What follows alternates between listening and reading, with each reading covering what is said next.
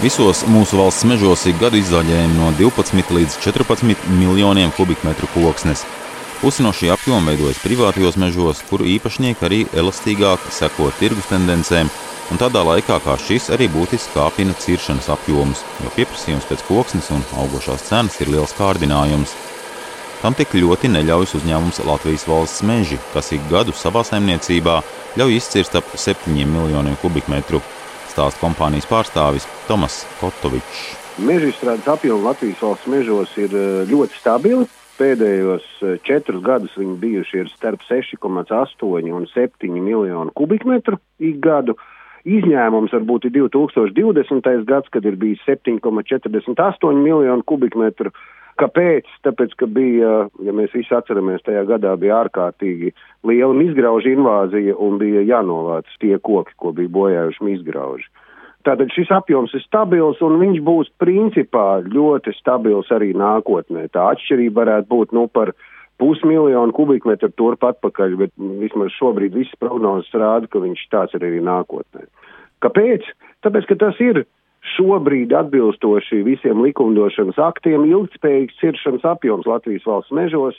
Valsts mežos ikgadējais pieaugums esot tuvu 12 miljoniem kubikmetru, tādēļ uzņēmums apgalvo, ka zāģēja mazāk nekā sāug.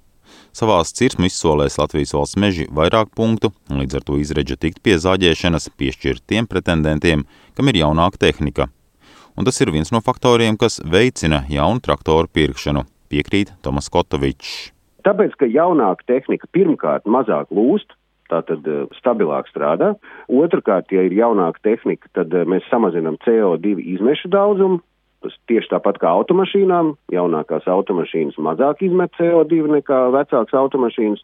Un treškārt, nu, daudz mazāks risks kaut kādiem bojājumiem un arī eļļas noplūdēm kaut kur mežā un līdzīgām lietām.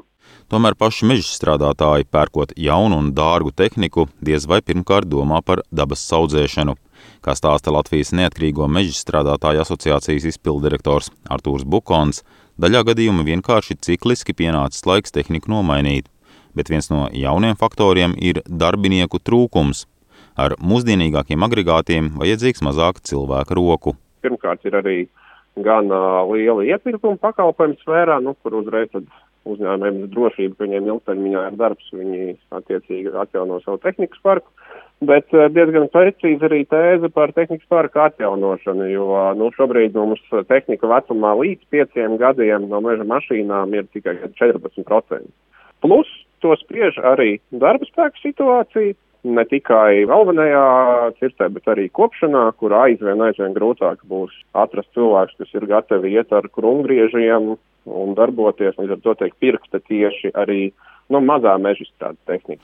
Turklāt daudzi meža strādes tehniku pērk līzingā, apliecina Latvijas līzinga devēja asociācijas vadītājs Pēteris Plaudis. Kamēr līzinga rādītāji kopumā vēl nav atguvušies 2019. gada līmenī, Meža tehnikai pieprasījums pēc šādiem aizdevumiem kāpis par 40%. Latvijas valsts meži, kā viens no galvenajiem nozarē, izsludina šos konkursus turpmākajiem četriem, pieciem gadiem.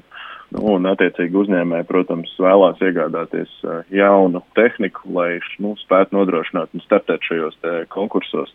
Protams, otra lieta ir automatizācija un uh, varbūt arī darba spēka ierobežota pieejamība, kas attiecīgi, protams, jaunāka tehnika prasa mazāk cilvēku resursus, vairāk ir automātikas un uzņēmēji ir gatavi investēt atkal par pamatu ņemot to, ka ir stabils pasūtījums no Latvijas valsts mežiem. Pieprasījumu un pandēmijas ietekmē jaunu tehniku gan varot iegādāties nevis ierasto divu, trīs mēnešu, bet nu jau pat gada laikā. Turklāt ražotāji paaugstinājuši cenas. Edgars Kupčs, Latvijas radio.